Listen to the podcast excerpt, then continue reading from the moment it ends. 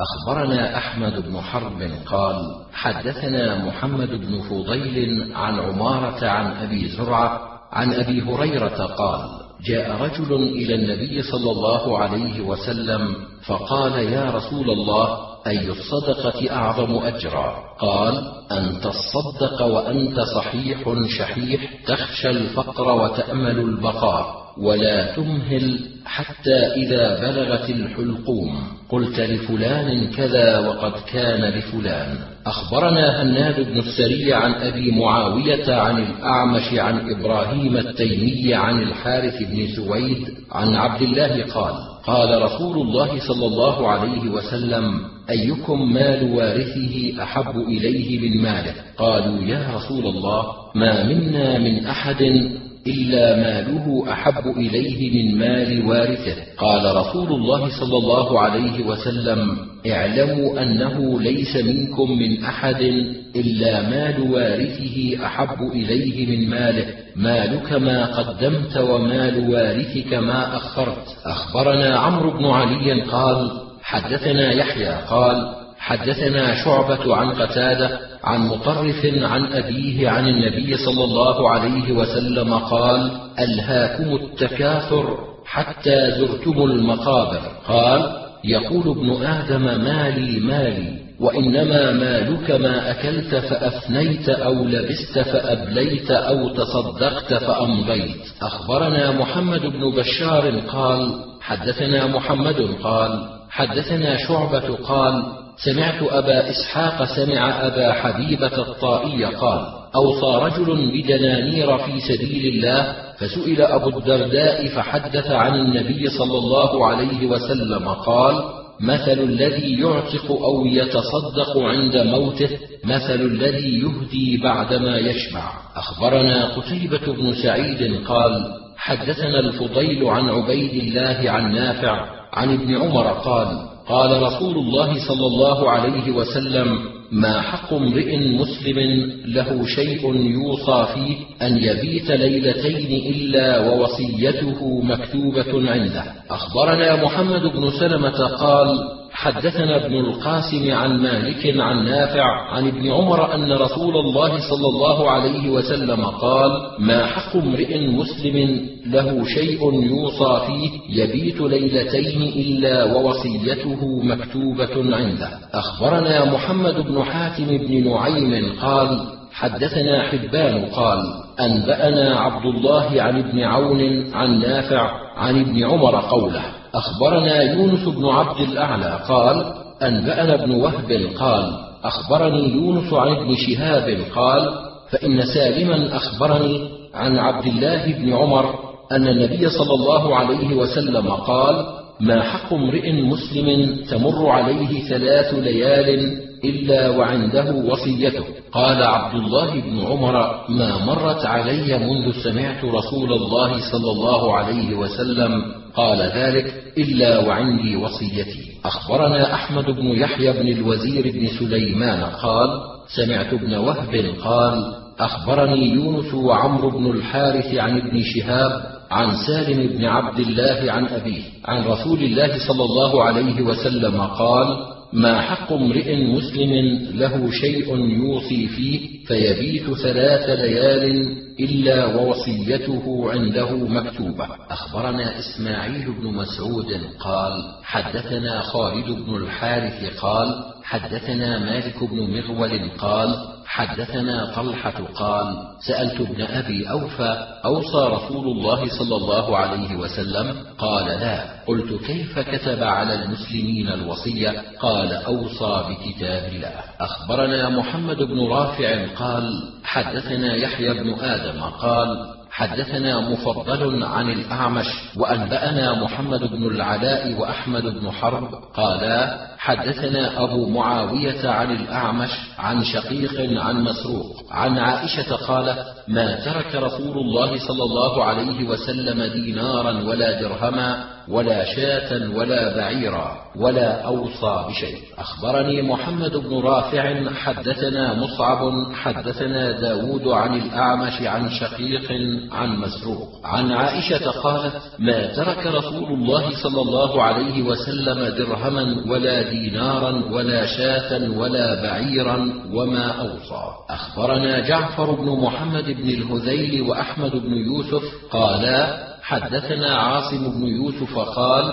حدثنا حسن بن عياش عن الأعمش عن إبراهيم عن الأسود. عن عائشة قالت ما ترك رسول الله صلى الله عليه وسلم درهما ولا دينارا ولا شاة ولا بعيرا ولا أوصى. لم يذكر جعفر دينارا ولا درهما. أخبرنا عمرو بن علي قال حدثنا أزهر قال أنبأنا ابن عون عن إبراهيم عن الأسود عن عائشة قالت يقولون أن رسول الله صلى الله عليه وسلم أوصى إلى علي رضي الله عنه لقد دعا بالطست ليبول فيها فانخنثت نفسه صلى الله عليه وسلم وما أشعر فإلى من أوصى؟ أخبرني أحمد بن سليمان قال حدثنا عارم قال.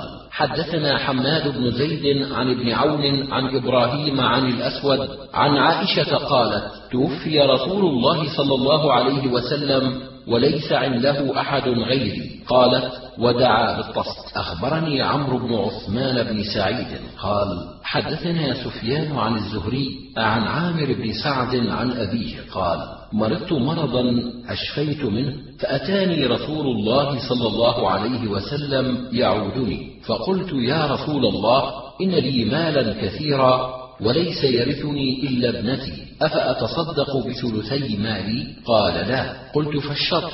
قال لا. قلت فالثلث؟ قال الثلث والثلث كثير. إنك أن تترك ورثتك أغنياء خير لهم من أن تتركهم عالة يتكففون الناس. أخبرنا عمرو بن منصور وأحمد بن سليمان واللفظ لأحمد. قالا حدثنا أبو نعيم قال حدثنا سفيان عن سعد بن إبراهيم عن عامر بن سعد عن سعد قال جاءني النبي صلى الله عليه وسلم يعودني وأنا بمكة قلت يا رسول الله أوصي بمالي كله؟ قال لا. قلت فالشطر؟ قال لا. قلت فالثلث؟ قال الثلث. هو الثلث كثير. إنك أن تدع ورثتك أغنياء خير من أن تدعهم عالة يتكففون الناس يتكففون في أيديهم. أخبرنا عمرو بن علي قال حدثنا عبد الرحمن قال حدثنا سفيان عن سعد بن إبراهيم عن عامر بن سعد عن أبيه قال كان النبي صلى الله عليه وسلم يعوده وهو بمكة وهو يكره أن يموت بالأرض الذي هاجر منها. قال النبي صلى الله عليه وسلم رحم الله سعد بن عفراء أو يرحم الله سعد بن عفراء ولم يكن له إلا ابنة واحدة. قال يا رسول الله أوصي بمالي كله. قال لا. قلت النصف. قال لا. قلت فالثلث. قال الثلث والثلث كثير. إنك أن تدع ورثتك أغنياء خير من أن تدعهم عالة يتكففون الناس ما في أيديهم. أخبرنا أحمد بن سليمان قال حدثنا أبو نعيم قال حدثنا مسعر عن سعد بن إبراهيم قال حدثني بعض آل سعد قال مرض سعد فدخل رسول الله صلى الله عليه وسلم فقال يا رسول الله أوصي بمالي كله؟ قال لا وساق الحديث. أخبرنا العباس بن عبد العظيم العنبري قال حدثنا عبد الكبير بن عبد المجيد قال حدثنا بكير بن مسمار قال سمعت عامر بن سعد عن أبيه أنه اشتكى بمكة فجاءه رسول الله صلى الله عليه وسلم فلما رآه سعد بكى وقال يا رسول الله أموت بالأرض التي هاجرت منها؟ قال لا إن شاء الله. وقال يا رسول الله أوصي بمالي كله في سبيل الله؟ قال لا. قال يعني بثلثيه؟ قال لا. قال فنصفه قال لا. قال فثلثه قال رسول الله صلى الله عليه وسلم الثلث والثلث كثير إنك أن تترك بنيك أغنياء خير من أن تتركهم عالة يتكففون الناس. أخبرنا إسحاق بن إبراهيم قال أنبأنا جرير عن عطاء بن السائب عن أبي عبد الرحمن عن سعد بن أبي وقاص قال عادني رسول الله صلى الله عليه وسلم في مرضي فقال أوصيت؟ قلت نعم. قال بكم؟ قلت بمالي كله في سبيل الله. قال فما تركت لولدك؟ قلت هم أغنياء. قال أوص بالعشر. فما زال يقول وأقول حتى قال أوص بالثلث والثلث كثير أو كبير. أخبرنا إسحاق بن إبراهيم قال حدثنا وكيع قال حدثنا هشام بن عروة عن أبيه عن سعد أن النبي صلى الله عليه وسلم عاده في مرضه فقال يا رسول الله أوصي بمالي كله؟ قال لا. قال فالشطر؟ قال لا. قال فالثلث؟ قال الثلث والثلث كثير أو كبير. أخبرنا محمد بن الوليد الفحام. قال حدثنا محمد بن ربيعة قال حدثنا هشام بن عروة عن أبيه عن عائشة أن رسول الله صلى الله عليه وسلم أتى سعدا يعوده فقال له سعد يا رسول الله أوصي بثلثي مالي؟ قال لا. قال فأوصي بالنصف؟ قال لا. قال فأوصي بالثلث؟ قال نعم. الثلث والثلث كثير أو كبير. إنك أن تدع ورثتك أغنياء خير من أن تدعهم فقراء يتكففون. أخبرنا قتيبة بن سعيد قال حدثنا سفيان عن هشام بن عروة عن أبيه عن ابن عباس قال لو غض الناس إلى الربع لأن رسول الله صلى الله عليه وسلم قال الثلث والثلث كثير أو كبير. أخبرنا محمد بن المثنى قال حدثنا حجاج بن المنهال قال حدثنا همام عن قتادة عن يونس بن جبير عن محمد بن سعد عن أبيه سعد بن مالك أن النبي صلى الله عليه وسلم جاءه وهو مريض فقال إنه ليس لي ولد إلا ابنة واحدة فأوصي بمالي كله؟ قال النبي صلى الله عليه وسلم لا. قال فأوصي بنصفه؟ قال النبي صلى الله عليه وسلم لا. قال فأوصي بثلثه. قال الثلث والثلث كثير. أخبرنا القاسم بن زكريا بن دينار قال حدثنا عبيد الله عن شيبان عن فراس عن الشعبي. قال حدثني جابر بن عبد الله أن أباه استشهد يوم أحد وترك ست بنات وترك عليه دينا. فلما حضر جداد النخل أتيت رسول الله صلى الله عليه وسلم. فقلت قد علمت أن والدي استشهد يوم أحد وترك دينا كثيرا وإني أحب أن يراك الغرماء. قال اذهب فبيدر كل تمر على ناحية. ففعلت ثم دعوته فلما نظروا إليه كأنما أغروا بي تلك الساعة. فلما رأى ما يصنعون أطاف حول أعظمها بيدرا ثلاث مرات ثم جلس عليه ثم قال ادع أصحابك. فما زال يكيل لهم حتى أدى الله أمانة والدي وأنا راض أن يؤدي الله أمانة والدي لم تنقص تمرة واحدة. أخبرنا عبد الرحمن بن محمد بن سلام قال حدثنا إسحاق وهو الأزرق قال حدثنا زكريا عن الشعبي عن جابر أن أباه توفي وعليه دين فأتيت النبي صلى الله عليه وسلم فقلت يا رسول الله إن أبي توفي وعليه دين ولم يترك إلا ما يخرج نخله ولا يبلغ ما يخرج نخله ما عليه من الدين دون سنين فانطلق معي يا رسول الله لكي لا يفحش علي الغرام. فأتى رسول الله صلى الله عليه وسلم يدور بيدرا بيدرا فسلم حوله ودعا له ثم جلس عليه ودعا الغرام فأوفاهم وبقي مثل ما أخذوا. أخبرنا علي بن حجر قال حدثنا جرير عن مغيرة عن الشعبي عن جابر قال توفي عبد الله بن عمرو بن حرام قال وترك دينا فاستشفعت برسول الله صلى الله عليه وسلم على غرمائه أن يضعوا من دينه شيئا فطلب إليهم فأبوا. فقال لي النبي صلى الله عليه وسلم اذهب فصنف تمرك اصنافا العجوة على حدة وعتق ابن زيد على حدة وأصنافه ثم ابعث إلي. قال ففعلت فجاء رسول الله صلى الله عليه وسلم فجلس في أعلاه أو في أوسطه ثم قال كل القوم. قال فكلت لهم حتى أوفيتهم. ثم بقي تمري كأن لم ينقص منه شيء. أخبرنا إبراهيم بن يونس بن محمد حرمي قال حدثنا أبي قال حدثنا حماد عن عمار بن أبي عمار عن جابر بن عبد الله قال كان اليهودي على أبي تمر فقتل يوم أحد وترك حديقتين وتمر اليهودي يستوعب ما في الحديقتين. فقال النبي صلى الله عليه وسلم هل لك أن تأخذ العام نصفه وتؤخر نصفه؟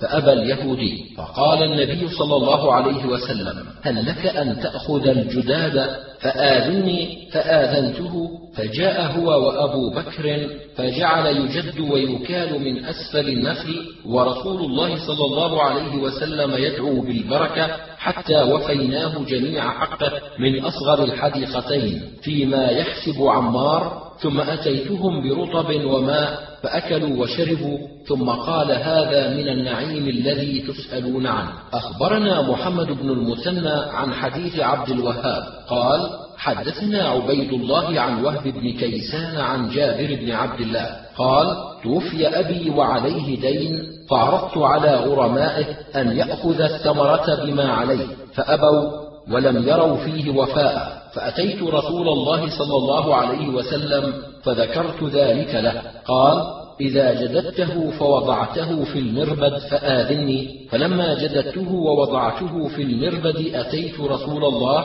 صلى الله عليه وسلم فجاء ومعه أبو بكر وعمر فجلس عليه ودعا بالبركة ثم قال ادعوا غرماءك فأوفهم. قال فما تركت أحدا له على أبي دين إلا قضيته وفضل لي ثلاثة عشر وسقا. فذكرت ذلك له فضحك وقال ائت أبا بكر وعمر. فأخبرهما ذلك. فأتيت أبا بكر وعمر فأخبرتهما فقالا قد علمنا إذ صنع رسول الله صلى الله عليه وسلم ما صنع أنه سيكون ذلك. أخبرنا قتيبة بن سعيد قال حدثنا أبو عوانة عن قتادة عن شهر بن حوشب عن عبد الرحمن بن غنم عن عمرو بن خارجة قال خطب رسول الله صلى الله عليه وسلم فقال إن الله قد أعطى كل ذي حق حقه ولا وصية لوارث أخبرنا إسماعيل بن مسعود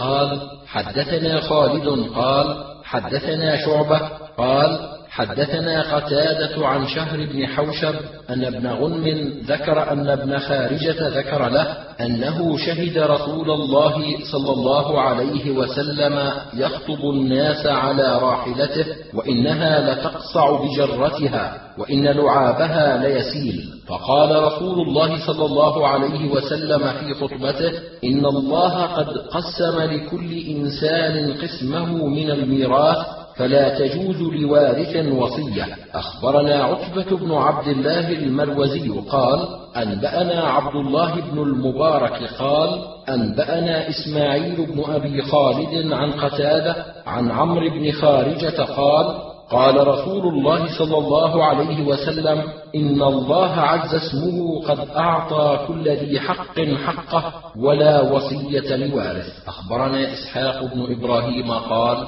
حدثنا جرير عن عبد الملك بن عمير عن موسى بن طلحة عن أبي هريرة قال لما نزلت وأنذر عشيرتك الأقربين. دعا رسول الله صلى الله عليه وسلم قريشا فاجتمعوا فعم وخص فقال يا بني كعب بن لؤي يا بني مرة بن كعب يا بني عبد شمس ويا بني عبد مناف ويا بني هاشم ويا بني عبد المطلب أنقذوا أنفسكم من النار ويا فاطمة أنقذي نفسك من النار. إني لا أملك لكم من الله شيئا غير أن لكم رحما سأبلها ببلالها. أخبرنا أحمد بن سليمان قال حدثنا عبيد الله بن موسى قال أنبأنا إسرائيل عن معاوية وهو ابن إسحاق عن موسى بن طلحة قال قال رسول الله صلى الله عليه وسلم يا بني عبد مناف اشتروا أنفسكم من ربكم إني لا أملك لكم من الله شيئا. يا بني عبد المطلب اشتروا أنفسكم من ربكم إني لا أملك لكم من الله شيئا. ولكن بيني وبينكم رحم أنا بالها ببلالها. أخبرنا سليمان بن داود عن ابن وهب قال أخبرني يونس عن ابن شهاب قال أخبرني سعيد بن المسيب وأبو سلمة بن عبد الرحمن عن أبي هريرة قال قال رسول الله صلى الله عليه وسلم حين أنزل عليه وأنذر عشيرتك الأقربين. قال يا معشر قريش اشتروا أنفسكم من الله لا أغني عنكم من الله شيئا. يا بني عبد المطلب لا أغني عنكم من الله شيئا. يا عباس بن عبد المطلب لا أغني عنك من الله شيئا.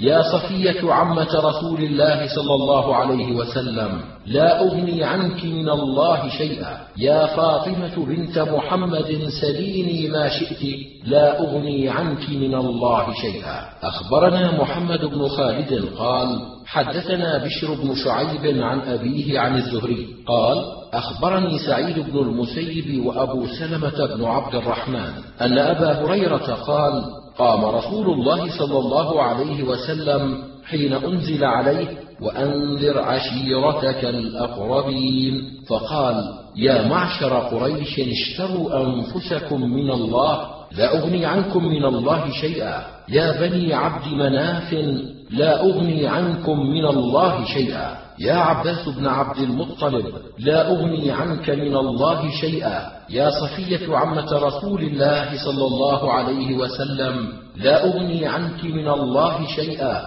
يا فاطمة سليني ما شئت لا أغني عنك من الله شيئا. أخبرنا إسحاق بن إبراهيم قال أنبأنا أبو معاوية قال حدثنا هشام وهو ابن عروة عن أبيه. عن عائشة قالت لما نزلت هذه الآية وأنذر عشيرتك الأقربين. قال رسول الله صلى الله عليه وسلم يا فاطمة ابنة محمد يا صفية بنت عبد المطلب يا بني عبد المطلب لا أغني عنكم من الله شيئا سلوني من مالي ما شئتم. أخبرنا محمد بن سلمة قال حدثنا ابن القاسم عن مالك عن هشام بن عروة عن أبيه عن عائشة أن رجلا قال لرسول الله صلى الله عليه وسلم إن أمي افتلتت نفسها وإنها لو تكلمت تصدقت. أفأتصدق عنها؟ فقال رسول الله صلى الله عليه وسلم نعم فتصدق عنها. أنبأنا الحارث بن مسكين قراءة عليه وأنا أسمع عن ابن القاسم عن مالك عن سعيد بن عمرو بن شرحبيل بن سعيد بن سعد بن عبادة عن أبيه عن جده. قال خرج سعد بن عبادة مع النبي صلى الله عليه وسلم في بعض مغازيه وحضرت أمه الوفاة بالمدينة فقيل لها أوصي. فقالت فيم أوصي المال مال سعد. فتوفيت قبل أن يقدم سعد فلما قدم سعد ذكر ذلك له فقال يا رسول الله هل ينفعها أن أتصدق عنها؟ فقال النبي صلى الله عليه وسلم نعم. فقال سعد حائط كذا وكذا صدقة عنها لحائط سماه. أخبرنا علي بن حجر قال حدثنا إسماعيل قال حدثنا العلاء عن أبيه عن أبي هريرة أن رسول الله صلى الله عليه وسلم قال إذا مات الإنسان انقطع عمله إلا من ثلاثة من صدقة جارية وعلم ينتفع به وولد صالح يدعو له. أخبرنا علي بن حجر قال أنبأنا إسماعيل عن العلاء عن أبيه عن أبي هريرة أن رجلا قال للنبي صلى الله عليه وسلم إن أبي مات وترك مالا ولم يوصي فهل يكفر عنه أن أتصدق عنه؟ قال نعم. أخبرنا موسى بن سعيد قال حدثنا هشام بن عبد الملك قال حدثنا حماد بن سلمة عن محمد بن عمرو عن أبي سلمة عن الشريد بن سويد الثقفي قال أتيت رسول الله صلى الله عليه وسلم فقلت إن أمي أوصت أن تعتق عنها رقبة وإن عندي جارية نوبية أفيجزئ عني أن أعتقها عنها؟ قال ائتني بها فأتيته بها فقال لها النبي صلى الله عليه وسلم من ربك؟ قالت الله. قال من أنا؟ قالت أنت رسول الله. قال فأعتقها فإنها مؤمنة. أخبرنا الحسين بن عيسى قال أنبأنا سفيان عن عمرو عن عكرمة عن ابن عباس أن سعدا سأل النبي صلى الله عليه وسلم إن أمي ماتت ولم توصي أفأتصدق عنها؟ قال نعم. أخبرنا أحمد بن الأزهر قال حدثنا روح بن عبادة قال حدثنا زكريا بن إسحاق قال حدثنا عمرو بن دينار عن عكرمة عن ابن عباس أن رجلا قال يا رسول الله إن أمه توفيت أفينفعها إن تصدقت عنها؟ قال نعم. قال فإن لي مخرفا فأشهدك أني قد تصدقت به عنها. أخبرني هارون بن عبد الله قال حدثنا عفان قال حدثنا سليمان بن كثير عن الزهري عن عبيد الله بن عبد الله عن ابن عباس عن سعد بن عبادة أنه أتى النبي صلى الله عليه وسلم فقال إن أمي ماتت وعليها نذر أفيجزئ عنها أن أعتق عنها؟ قال أعتق عن أمك. أخبرنا محمد بن محمد أبو يوسف الصيدلاني عن عيسى. قال حدثنا عيسى وهو ابن يونس عن الأوزاعي عن الزهري أخبره عن عبيد الله بن عبد الله عن ابن عباس عن سعد بن عبادة أنه استفتى النبي صلى الله عليه وسلم في نذر كان على أمه فتوفيت قبل أن تقضيه. فقال رسول الله صلى الله عليه وسلم اقضه عنها. أخبرنا محمد بن صدقة الحمصي قال حدثنا محمد بن شعيب عن الأوزاعي عن الزهري أخبره عن عبيد الله بن عبد الله عن ابن عباس عن سعد بن عبادة أنه استفتى النبي صلى الله عليه وسلم في نذر كان على أمه فماتت قبل أن تقضيه. فقال رسول الله صلى الله عليه وسلم اقضه عنها. أخبرنا العباس بن الوليد بن مزيد قال أخبرني أبي. قال حدثنا الأوزاعي قال أخبرني الزهري أن عبيد الله بن عبد الله أخبره عن ابن عباس قال استفتى سعد رسول الله صلى الله عليه وسلم في نذر كان على أمه فتوفيت قبل أن تقضيه. فقال رسول الله صلى الله عليه وسلم اقضه عنها. قال الحارث بن مسكين قراءة عليه وأنا أسمع عن سفيان عن الزهري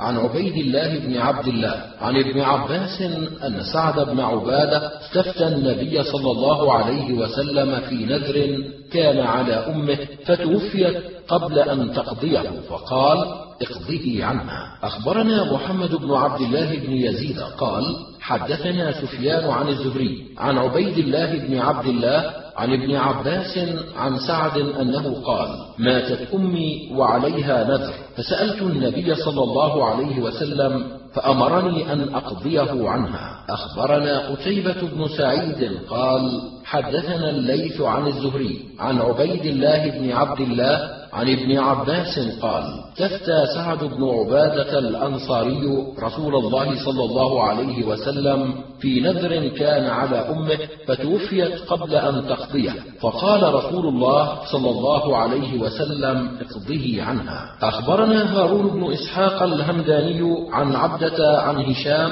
وابن عروة عن بكر بن وائل عن الزهري عن عبيد الله بن عبد الله عن ابن عباس قال جاء سعد بن عبادة إلى النبي صلى الله عليه وسلم فقال إن أمي ماتت وعليها نذر ولم تقضه قال اقضه عنها. أخبرنا محمد بن عبد الله بن المبارك قال حدثنا وكيع عن هشام عن قتادة عن سعيد بن المسيب عن سعد بن عبادة قال قلت يا رسول الله ان أمي ماتت أفأتصدق عنها؟ قال نعم. قلت فأي الصدقة أفضل؟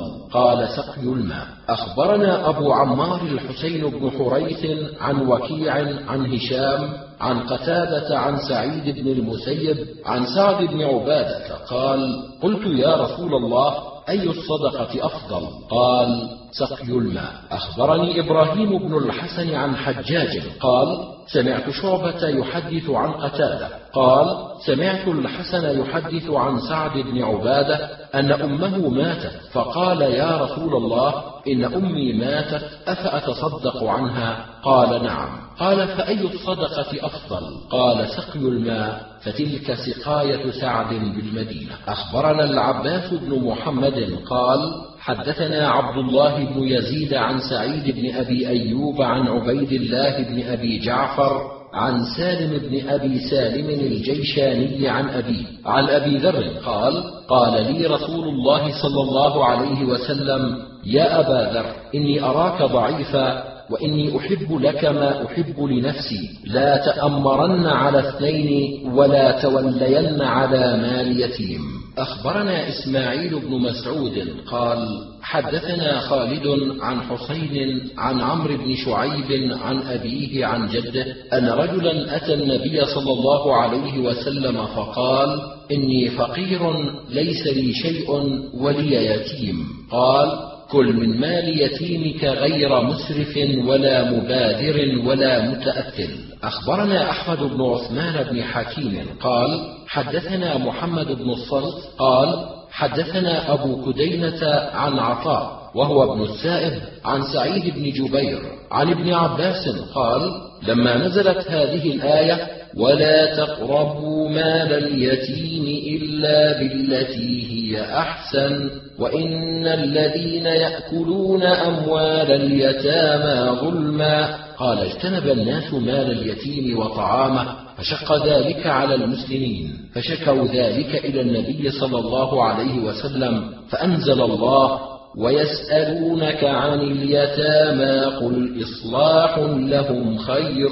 إلى قوله لأعنتكم أخبرنا عمرو بن علي قال حدثنا عمران بن عيينة قال حدثنا عطاء بن السائب عن سعيد بن جبير عن ابن عباس في قوله إن الذين يأكلون أموال اليتامى ظلما قال كان يكون في حجر الرجل اليتيم فيعزل له طعامه وشرابه وآنيته فشق ذلك على المسلمين فأنزل الله عز وجل وإن تخالطوهم فإخوانكم في الدين فأحل لهم خلطتهم. أخبرنا الربيع بن سليمان قال حدثنا ابن وهب عن سليمان بن بلال عن ثور بن يزيد عن أبي الغيث عن أبي هريرة أن رسول الله صلى الله عليه وسلم قال اجتنبوا السبع الموبقات. قيل يا رسول الله ما هي؟ قال الشرك بالله والشح وقتل النفس التي حرم الله إلا بالحق وأكل الربا وأكل مال اليتيم